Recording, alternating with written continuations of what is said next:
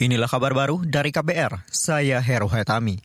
Saudara Dewan Pengawas Komisi Pemberantasan Korupsi atau Dewas KPK memutuskan melanjutkan tiga dugaan pelanggaran kode etik Ketua Nonaktif KPK Firly Bahuri ke tahap persidangan. Itu disampaikan Ketua Dewan Pengawas KPK Tumpak Hatorangan Panggabean hari ini. Bahwa ada beberapa dugaan pelanggaran etik yang akan kami lanjutkan ke persidangan etik, yaitu perbuatan yang berhubungan dengan pertemuan antara Pak FB dengan Menteri Pertanian. Sementara itu, anggota Dewas KPK Albertina Ho mengatakan, tiga kasus yang dibawa ke sidang etik berkaitan dengan pertemuan Firly dengan SYL, harta kekayaan Firly yang tidak dilaporkan di dalam LHKPN, dan penyewaan rumah di Kertanegara. Firly telah diberhentikan sementara dari jabatannya sebagai Ketua KPK oleh Presiden Jokowi lantaran menjadi tersangka dalam kasus pemerasan terhadap ex-mentan Syahrul Yasin Limpo. Kita beralih ke informasi pemilu. Kabar pemilu, kabar pemilu. Saudara, Ketua Badan Pengawas Pemilu Bawaslu RI Rahmat Bagja mengingatkan agar calon presiden dan calon wakil presiden maupun tim sukses tidak menggunakan arena bebas kendaraan bermotor atau Car Free Day sebagai tempat kampanye.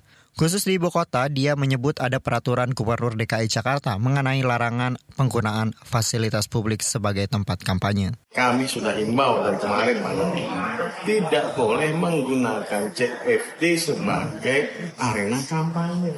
Itu jelas.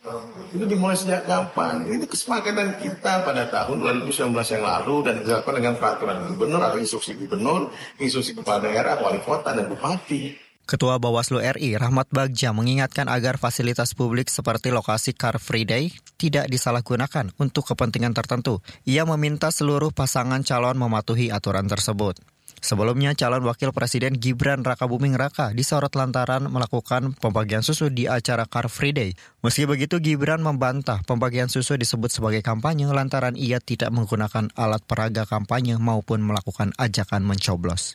Kita ke Jawa Timur, saudara pemerintah Kabupaten Banyuwangi menyiapkan 10.000 dosis vaksin untuk mengantisipasi penyebaran COVID-19 yang kembali meningkat. Kepala Dinas Kesehatan Banyuwangi, Amir Hidayat mengatakan puluhan ribu vaksin tersebut nantinya akan didistribusikan ke seluruh puskesmas dan sejumlah rumah sakit. Kita sedang uh, antisipasi, ini menjadi warning bagi kita semua untuk mewaspadai supaya tidak ada peningkatan. Biasanya kalau sudah di Singapura ini agak dekat Jakarta, dan beberapa waktu ke Jawa Timur. Itu rilis dari WHO, itu varian Omicron, subvarian Eris, EG5 dan EG2. Kepala Dinas Kesehatan Banyuwangi Amir Hidayat mengatakan penyebaran COVID-19 harus diwaspadai karena eskalasi kasus di Jakarta berpotensi sampai ke Jawa Timur, termasuk Banyuwangi.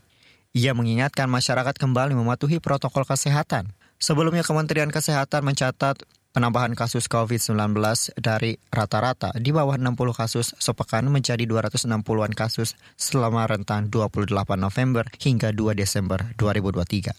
Inilah kabar baru dari KBR, saya Heru Hetami.